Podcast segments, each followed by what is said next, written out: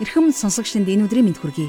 Библийн хуудас радио цаураар нэвтрүүлгийн маань шинэхэн дугаар эхэлж байна. Тэгэхээр зарим нэг Христ итгэгчдээс чи хизээ Есүст итгэсэн бэ гэж асуухаар цуглаанд явж эхэлсэн онсараа хэлээд байдаг. Тэгэхээр их олон итгэгч яг хэдийд Есүст итгэснээ тэр бүр мэддэггүй. Бүр сандаггүй. Харин сонсогч танд бурхантай уулзсан гайхамшигтай уулзалт, учрал амьдралд нь байгаасаа гэж юрууж байна. Харин тэрхүү уулзалтаа гэрчилж хүнд хэцүү цаг үедээ тэрхүү нандин дурсамжаараа өөрийгөө урамшуулж байгаасай гэж хүсэж байна. Библи сайн ном учраас та үг сургаалыг нь дагдаг биш. Харин амьдрал болон сүнсийг чин амьд байлгадаг учраас дагдаг бол үнэхээр эрүүлтэй. Тиймээс хизээ аврагдсанаа бид мэддэг байх ёстой. Үүнийг бидэнд сануулж өгөөч гэж эзнээс гуйж яагаад болохгүй гэж Ингээд өнөөдрийн шинэ хичээлдээ орцгоё бид өнөөдөр 1-р Петр номынхон 2 дугаар бүлгийн эхний 5 ишлэлийг уншиж судлаа. Энэ цагийг бурхан дөргөн хамтдаа залбирая.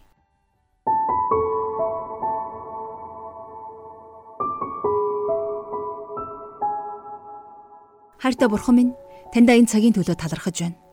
Энэ өдөр бид таны үгийг судалж, таныг улам илүү таньж мэдхийг хүсэж байна. Та энэ цагаар дамжуулан итгэгч бид итгэлээрээ хэрхэн өсч хэрхэн төлөвшөх ёстойг бидэнд ойлгуулж өгөөч. Таны үг ямар их чухал болохыг бас таны үггүйгээр бид өсөж төлөвшөж чадахгүй болохыг бидэнд та ухааруулж өгөөч. Бид Есүс Христ рүү улам илүү ойртож түүгээр дамжуулан хамтдаа Христийн дотор нэгэн том барилга болон сүндэрлэхэд та туслаарай. Хичээлийн энэ цагийг таньдаа өргөж эзэн Есүсийн нэрээр залбирanгуйж байна. Амен. Ингээд хамтдаа жаргалах шийчэлд анхаарлаа хандуулъя. За өнгөрсөн хичээлээр бид хамтдаа 1-р Петр номынхон 1-р бүлгийг төгсгсөн байгаа. Харин өнөөдөр хамтдаа 2-р бүлгийн 1-ээс 5-р ишлэлээр судлаа үргэлжлүүлцгээе. За тэгэхээр ерөнхийдөө 1-р Петр номын 2-оос 4-р бүлэг дээр Бурхны хүүхдүүд болсон итгэгчид бидний зовлон шанал. За Христийн зовлон шаналлын тухай өгүүлдэг.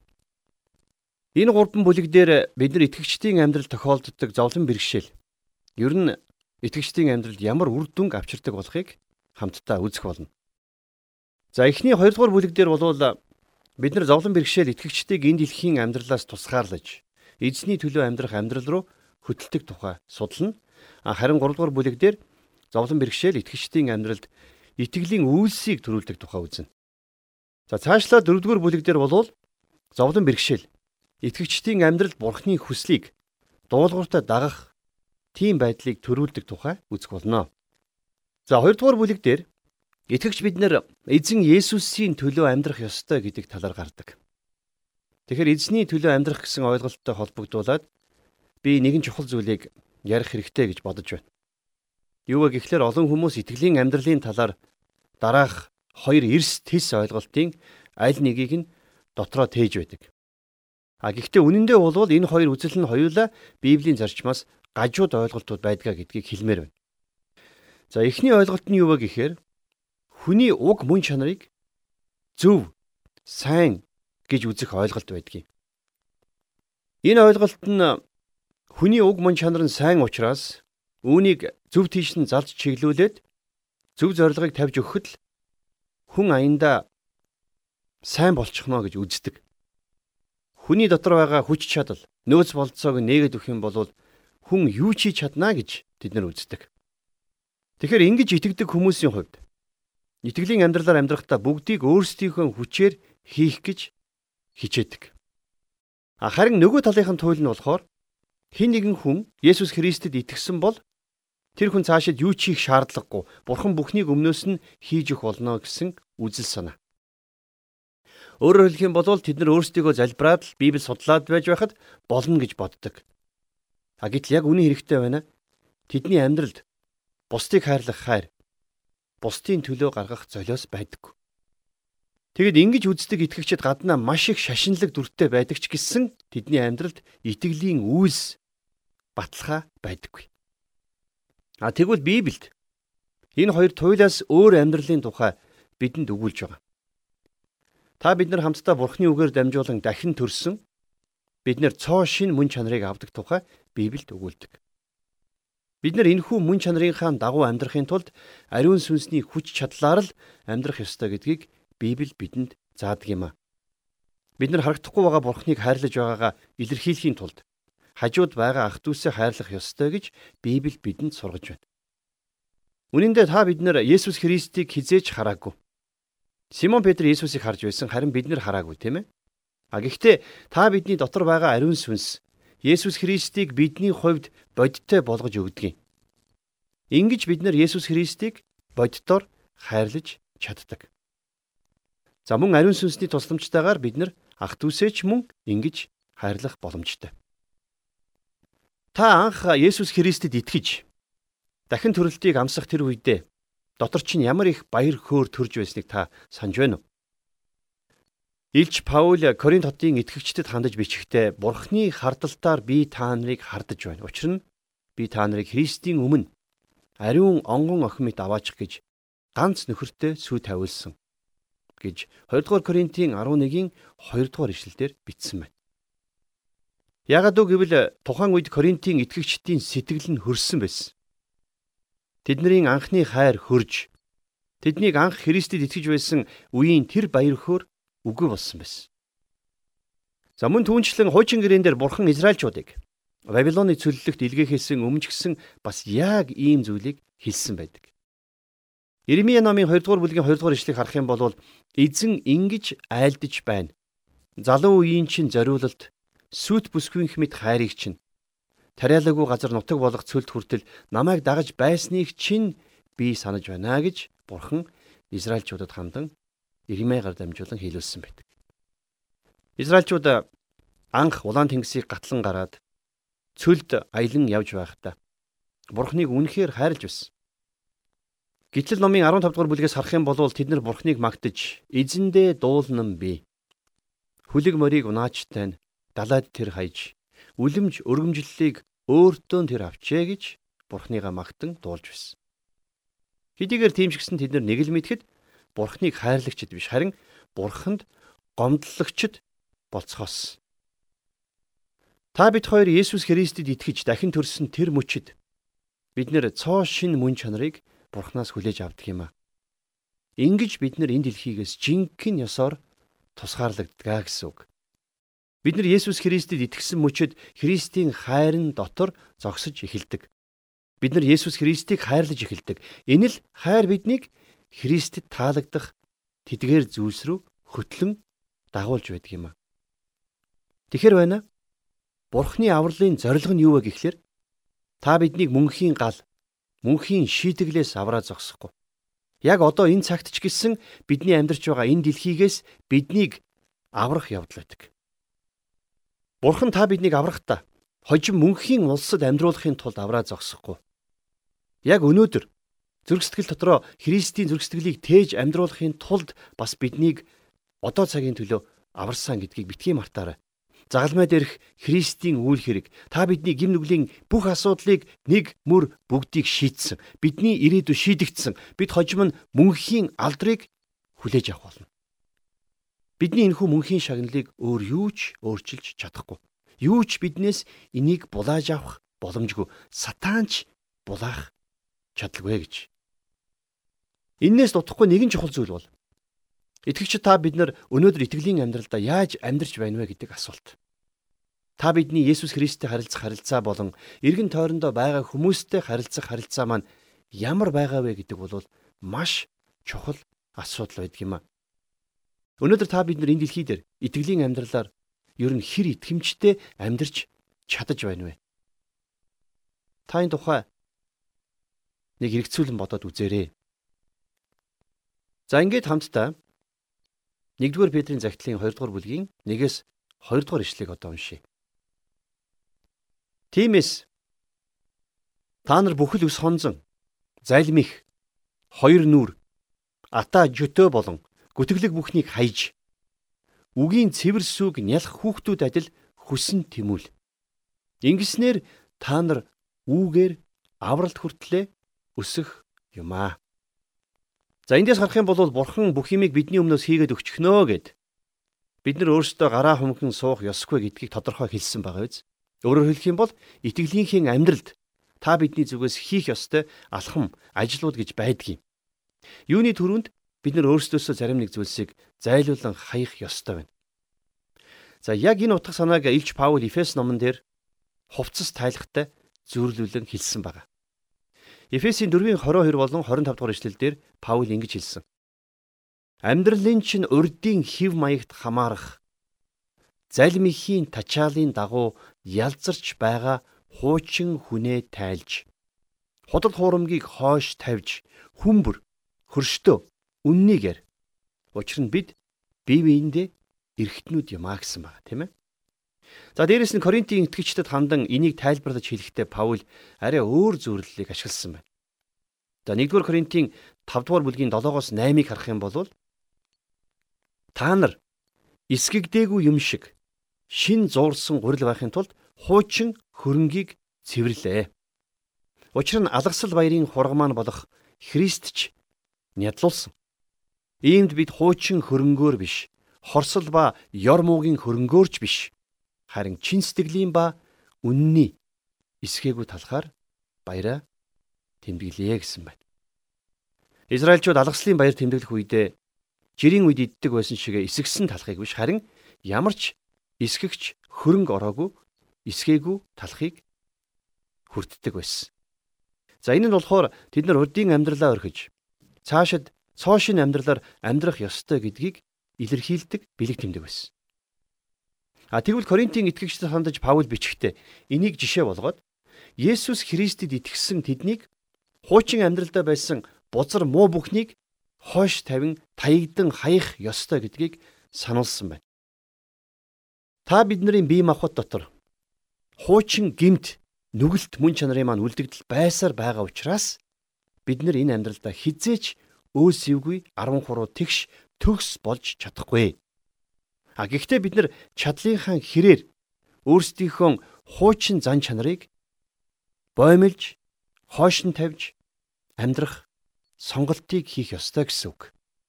Петрийн хэлэхдээ өс хонзон, залмих, хоёр нүур ата жөтөө болон гүтгэлэг бүхнийг хайж гэж хэлсэн байна тийм ээ.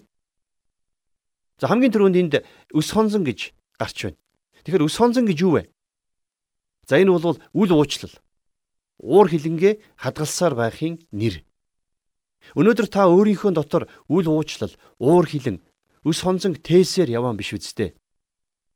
Хэдийгээр та Есүс Христэд итгэж дахин төрсөн байж болох ч гэсэн хэрвээ та дотроо өс хонзон уур хилэнг тээсээр байх юм бол таныг Христэд итгэгч гэж хинч харахгүй гэдгийг санаарай. Энэ бол маш муу гэрчлэл болно гэсэн үг. Дараа нь залим ихийг хаях ёстой гэж Петр хэлсэн. За энд гарч байгаа залим их гэдэг нь болохоор бусдад сэтгэл төрүүлэхийн тулд дүр хэсэг хэлж байгаа. За үүс номон дээр яг нэг юм үйл явдал гардаг. Та санаж байна уу? Анани Сафир гэж хос яг энэ харгыг хэрглэж өгөөмөр хүмүүсийн дүрд тоглож байсан шүү дээ. Тэгэхээр бидний хуучин мөн чанар бол энэ мэд залим ихэндээ гаргууд байдгаа гэдгийг мартаж болохгүй. Хоёр нүур атаж өтөө болон гүтгэлэг бүхнийг хаях ёстой гэж дараа нь Петр бидэнд сануулсан байна. За тэгэхээр хоёр нүур гэдэг бол өөрөөсөө өөр хүний дүрд тоглохын нэр. Бидний амьдралд ийм хоёр нүур байх ёсгүй гэдгийг Петр энд тодорхой хэлжээ. Атаж өтөө гүтгэлгийг ч гэсэн таягдан хаях ёстой гэдгийг сануулсан байна. Харин энэ бүхнийг таягдан хаясны дараагаар Петр биднийг үгийн цэвэр сүг нялх хүүхдүүд мэт хүсэн тэмүүлээрэ гэж хэлсэн байна. За энд гарч байгаа цэвэр сүг гэдгийг бол өөрөөр сүнслэг сүг гэж орчуулах боломжтой. Няраа хүүхэд өлсөхөөр сүү нэгтэг шиг итгэгч бид нар ч гэсэн бас бурхны үгээр өлсөж цангадаг байх ёстой гэдгийг Петр энд сануулсан байна. Маш их өлссөн хүүхэд угжтай сүгээ харахаар яаж баярлж сүүрүүгээ тэмүүлдэг вүлээ. Угжтай сүүндээ хүрэх гэж бүх мөчөө сарвнуулж байдаг шүү дээ. Харин өнөөдөр Бурхны үгийг сонсохдоо ингэж баярлдаг итгэгчид ер нь хэр олон байдаг юм бол Бурхны үгийн хойноос ингэтлээ хүсэн тэмүүлдэг итгэгчид ер нь байна уу? Хэрвээ бид нар Бурхны үгээр өсөж сангахгүй юм бол бид нар Христийг мэдэх мэдлэг болон Христийн нэгүүлслийн дотор өсч чадахгүй. Та итгэгч хүнийхээ хувьд ч гэсэн өсч төлөвшөж чадахгүй. Итгэлийн амьдралын хувьд ямагт балчир хүүхэд хэвээрээ байна. Балчир хүүхэд болон нас бий хүрсэн том хүн хоёр адилхан хүмүүс боловч өсөлт төлөвшлтийн хувьд бол тэрс ялгаатай байдаг шүү дээ. Бяцхан хүүхэд сүү ууж байж л өсч том болдог. А тэгвэл итгэгч та бид нар яаж өсч төлөвшөх вэ? Бидний өсөлт төлөвшил зөвхөн Бурхны үгийг сурснаар л ирдэг. Итгэгч хүний хувьд Бурхны үгнээс ангид өсөлт төлөвшөлт гэж байдгүй маа. Маш олон пасторууд сүнсний хувьд нялх нярай жаалуудыг арчилахад хамаг хүчээ барж байгаа тухайга ярьдгийг. За бүр нэг пастор би бүх амьдралаараа нялх хүүхэд угчхад зориулж байна гэж ярьж байхыг би сонсч байсан. Тэр нялх итгэгчид бурхны үгээр хооллож, өсч, төлөвшөх ёстой. Тэгж байж химэн цаг үргэлж пастрын гар хараад байхааргүй болно. За ингийн тулд бол тэр итгэгчид Бурхны үгийн сүг хүсч Бурхны үг рүү тэмүүлдэг байх ёстой. За би бол хувьдаа үгийн цэвэр сүг гэдэг нь Бурхны үгийг бүхэлд нь хэлж байна гэж бодож байгаа. Өөрөөр хэлэх юм бол бид нар Бурхны үгийг энд тэндээс нь түүж өөртөө таалагдах хэсгүүдийг шилж сонгож уншлаа гэд итгэлээр өсөхгүй. Та бид нар Бурхны үгийг бүхлээр нь уншиж судлах хэрэгтэй. Бидэнд иж бүрэн тэнцвэртэй сүнслэг хоол хэрэгтэй. Эхэндээ бидэнд үгийн сүү хэрэгтэй боловч за явцын дунд бид нар сүнслэг гол мах, ногооны салаад, шарсан төмсний хачир иддэг болно. Бид нар Бурхны үгийг бүхлээр нь сурч судалж байж химээж л сүнслэг шимт хижээлээ байнга авч чаднаа. 3 дугаар ишлэл. Хэрв та нар үнэхээр эзний инэрлийг амссан бол тэгэгтэн. За тэгэхээр энд гарч байгаа хэрвээ та нар амссан бол гэсэн энэ утга санааг бол нэгэнт та нар эзний нэгүслийг амссан учир гэж орчуулах юм бол илүү оновчтой буuna. Өөрөөр хэлэх юм бол нэгэнт та нар Бурхны инэрлийг амссан учраас энийг хийгээрэй гэж Петр хэлсэн байна. Дөнгөж төрсөн хүүхэд ч гэсэн сүү ух дуртай байдаг шиг дөнгөж Христээр ирсэн шин итгэгчийн дотор Бурхны үгийг сурч судлах гэсэн халуун хүсэл оргилж байдаг. Саяхан төрсэн хүүхдэд ихийнх нь хөхийг амлуулахад л хүүхэд аяндаа хөхөж эхэлдэг. Тэр хүүхдэд сүүгээ яаж хөхөх тухай лекц ордгүй үст. Тэгвэл яг энтэй нэгэн адил дөнгөж Христэд итгээд байгаа итгэлийн бяцхан хүүхдүүдэд бид нар Бурхны үгийг яаж судлах тухай янз бүрийн хичээл заах хэрэггүй. Харин зөвхөн Бурхны үгийг зааж өгөх хэрэгтэй. Тэдэнд Бурхны үгийг өгөхөд л хангалттай. Тэд нар тэр үгээр хооллож эхлэх болно. Тэгэхээр итгэж та бидний хувьд хамгийн түрүүнд юунаас ангижран салах ёстой байна вэ гэвэл бид нар махбодын үйлсээс ангижрах ёстой. За энэ бол маш чухал ойлголт. Олон итгэгчид өөрсдийгөө энд эрхийгээс хол байх ёстой гэж боддог. За үнэн хэрэгтээ бол үгүй. Бид нэр энэ дэлхий дээр амьдарч байгаа учраас бид нар энэ дэлхийгээс хизээч холдож чадахгүй. А гэхдээ нөгөө талаас нь бол бид нар нэгэнт энэ дэлхийнх биш болсон ч гэсэн бид нар энэ дэлхийд л амьдарч байгаа. Харин энэний оронд бид махбодын хүсэл, махбодын үйлсээс ангижрахыг хичээх ёстой гэсэн юм. Би нэг ийм түүх сонсч ирсэн.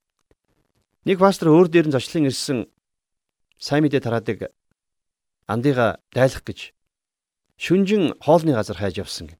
Ягд гэвэл цаад сайн мэдээ тараагч нь арх пив зардаггүй ресторанд л хоол иднэ гэж зүтгэсэн юм байж. Энэ нь тэр сайн мэдээ тараагч өөрийгөө энэ дэлхийгээс тусгаарлаж байгаа хэрэг юм гинэ. Тэгээ явж явж нэг газар болоод тэнд хоол идсэн боловч нөгөө сайн мэдээ тараагч хүн хоолны хордлого болоод бүр баларсан юм болсон. Тэгтэл бухимдсан пастор нөгөө сайн мэдээ тараагчид би чиний оронд байсан бол зүгээр л чанартай хоолтой газар ороод арх шар аргийг нь хойш тавиад сайхан хоол идчих байсан гэж хэлсэн гэдэг. Тэгэхээр энэ түүхийг би яагаад ярих болсон юм бэ гэхлээр Зарим итгэгчид энэ дэлхийгээс өөрийгөө тусгаарлаж байгаа нь инэ гэд энэ мэт инээдтэй зүйлийг хийдэг. А гэтэл уг нь бол бид нар өөрсдийгөө энэ дэлхийгээс тусгаарлах гэж оролдох биш харин өөрсдийнхөө амьдралаас өс хонзон, залмих, хоёр нүур, атаа жөтөө болон гүтгэлэг бүхнийг зайлуулж хаягхыг хичээх ёстой байдаг юм аа. А гэхдээ мэдээж бид нар өөрсдийнхөө хүчээр энэ бүхнийг амьдралаас зайлуулж чадахгүй. Харин та бидний дотор байгаа ариун сүнсний хүчээр л бид нар энэ бүхнийг хийж чадна. Нөгөө талаасаа бид нар өөрсдөө энэ бүхнээс салах хүсэл эрмэлзэл сонголтыг хийдэг байх хэрэгтэй тийм ээ. Ягд үг гэвэл хэрвээ бид нар өөрсдөө хүсэхгүй бол ариун сүнс бидний дотор хүчээр ажиллахгүй шүү дээ. Энийг л ойлгох хэрэгтэй. За дөрөвдүгээр эшлэлдэр эзэн дэр тэр бол хүмүүст гологдсон боловч харин бурхны өмнө сонгогдсон үнэт амьд чулуу билээ. Петр биднийг эзэн рүү ир гэж урьсан байна. Битлехэм хотод мэндэлсэн бяцхан хүүдээр бид нар ирж байгаа юм биш. Харин өөрсдөө бяцхан хүүхдүүд болоод тэрхүү амьд чулуу болсон эзэн Есүс аврагч руугаа ирэх ёстой юм а. Есүс Христ бол амьд чулуу. Симон Петр Есүсийг Христ гэж тунхлах үед Есүс тэрэнд энэ хатан дээр би чуулгана босгох бөгөөд түүнийг үхэгсдийн орны хаалга дийлэхгүй гэж хэлсэн байдаг шүү дээ.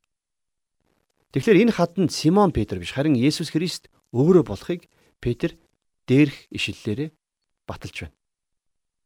За Матай 21:42 44 дугаар ишлэлүүдээр эзэн Есүс өөрийгөө чулуу гэж тунхагласан байна.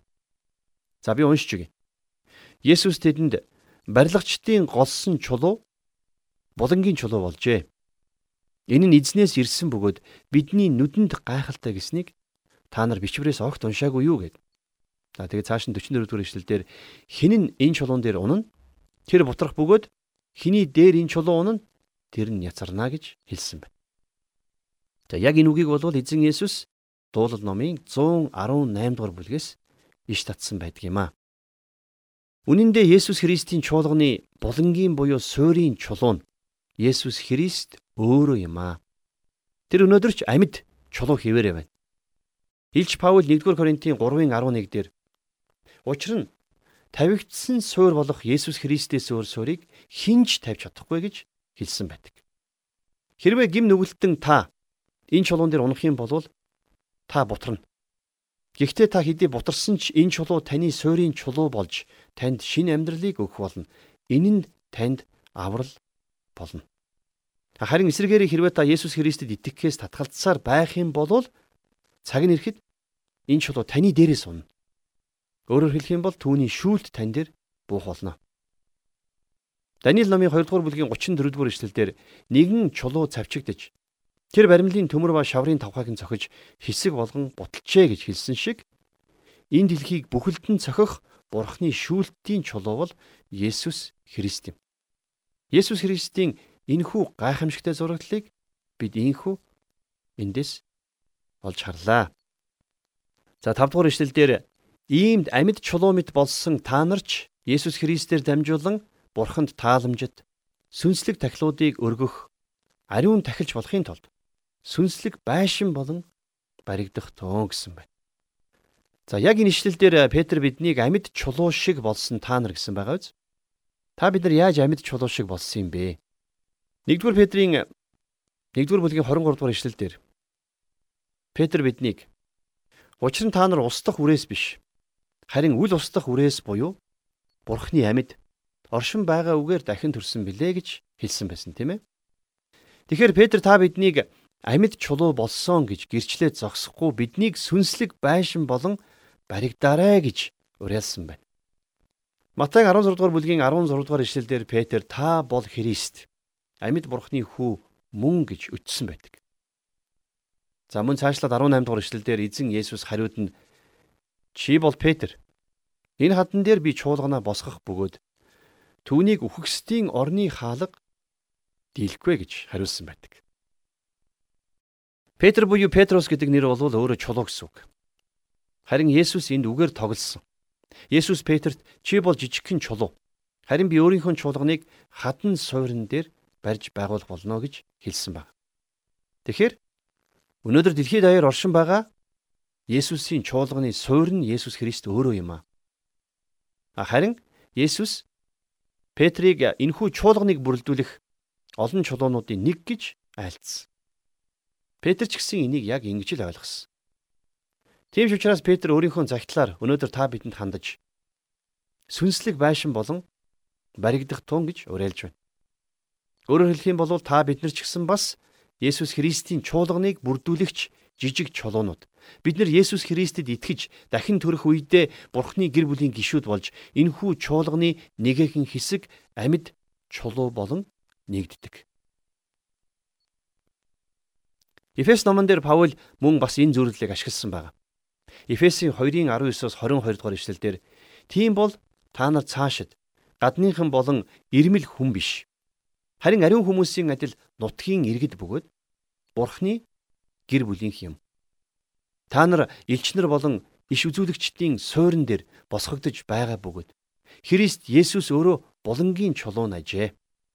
Түүний дотор бүх барилга холбогдсон эзэн доторх ариун сүм болохоор өсөж байна. Та нар ч гэсэн сүнс дотор Бурхны орших газар болохоор Христ дотор хамтдаа байгуулагдаж байна гэж бичсэн байна. Өнөөдөр Бурхан өөрийн сүм чуулганыг босгон байгуулсаар байна. Бурхны сүм бол амьд сүм. Бурхны өмнө гим нүглээ гимшин ирсэн хүмүүс. Өөрөөр хэлэх юм бол Есүс Христ химээх амьд чулуун дээр унсан хүмүүс бүгдээрээ түүнээс авралыг авсан. Харин ингэж авралыг авсан хүмүүсээ Бурхан өөрийн барьж байгаа амьд сүмийн нэгэн хэсэг болгон нэгтгэж байна. Бурхан Есүс Христ хэмээх суурин дээр өөрийнхөө чуулганыг барьж байгаа бол тэрхүү чуулганыг нь бүрдүүлэгч нэг тоосох нь та бид нар юм аа. Нэгдүгээр Петр ном бидэнд нэгэн гайхалтай үннийг илчилж өгсөн байдаг. Тэр нь итгэгч бидний ариун тахилчийн үйлчлэл юм. Петр биднийг хэлэхдээ бүх итгэгчид амьд чулуу гэж хэлээд зогсохгүй бүх итгэгчид ариун тахилч гэдгийг хэлсэн баг. Петр биднийг энд ариун тахилч гэж нэрлээд зогсохгүй хожим нь хаанд тахилч гэж нэрлсэн байдаг. Тахилч хүмүүс гэдэг утгаараа бид нар Есүс Христээр дамжуулан Бурхан эцэгт тааламжтай тахилуудыг өргөдөг байх учиртай гэсэн. Бид нар энэ бүх ивэл өрөөлийн төлөө цаг ямагт Бурханд талархаж байх учиртай бид нар түүнд сүнслэг тахилуудыг талархлын өргөлүүдийг өргөдөг байх ёстой. Бидний сүм чуулган дээр өргөж байгаа өргөлч гисэн бас сүнслэг тахилын нэг хэлбэр шүү дээ. Зарим хүмүүс мөнгө гэхээр сүнслэг бишээ гэж боддог. Тийм биш л дээ. Мөнгөнд ямар ч утга учир байхгүй. Харин тэр мөнгийг юунд хэрглэж байна вэ гэдэгт л хамаг учир оршдог юм. Цаашлах юм бол бид нар өөрсдийнхөө амьдралыг бурханд тахил болгон өргөж болно. Энэ ч гэсэн бас сүнслэг тахил мөн юм шүү.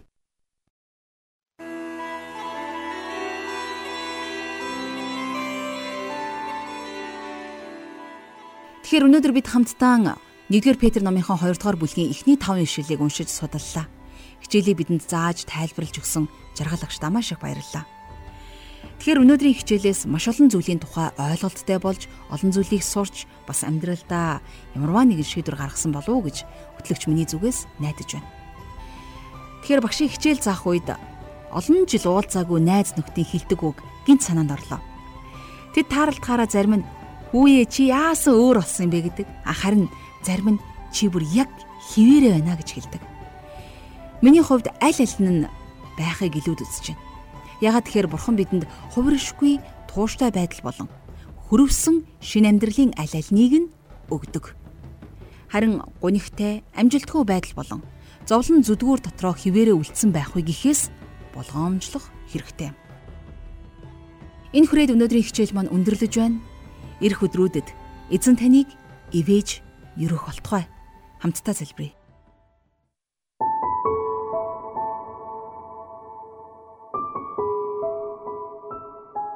Бурхан эцэг минь таньда баярлалаа. Та биднийг Иесус Христээр дамжуулан авралдаа дуудаа зогсохгүй. Биднийг ариун дахилж болгон дуудсан учраас таньдаа талархаж байна. Тийм ээ эзэн минь бид таны үгээр дамжуулан босгон байгуулагдаж таны дотроос ариун дахилж сүнслэг байшин болон босгогдоход та туслаач. Үүний тулд та бидний дотор таны үгийг хайрлах тэр нандин халуун хайрыг өгөөрэй. Таны үг рүү яг л нялх хүүхэд сүүгээ хүсэх мэт хүсэн тэмүүлдэг байхад та туслаач. Таны үгээр дамжуулан бидний амь амьдрал өөрчлөгдөх болтугай. Бүх зүйлийг танд өргөж, эзэн Есүсийн нэрээр залбирanгуйж байна. Амен.